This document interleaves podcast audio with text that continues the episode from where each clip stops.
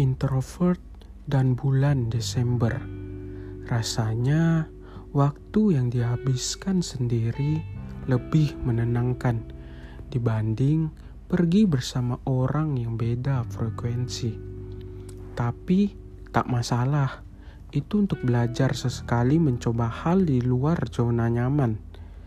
Desember bulannya resolusi untuk Januari.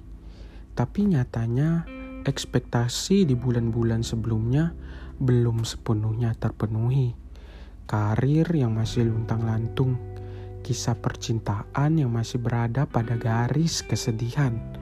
Uniknya, introvert melewati itu semua dengan caranya sendiri. Dengan cerita seolah ia tak berada di fase itu.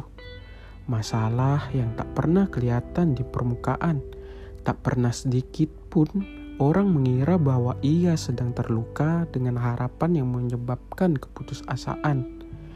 Ceritanya tersembunyi di balik tulisan, di balik senyuman yang membahagiakan.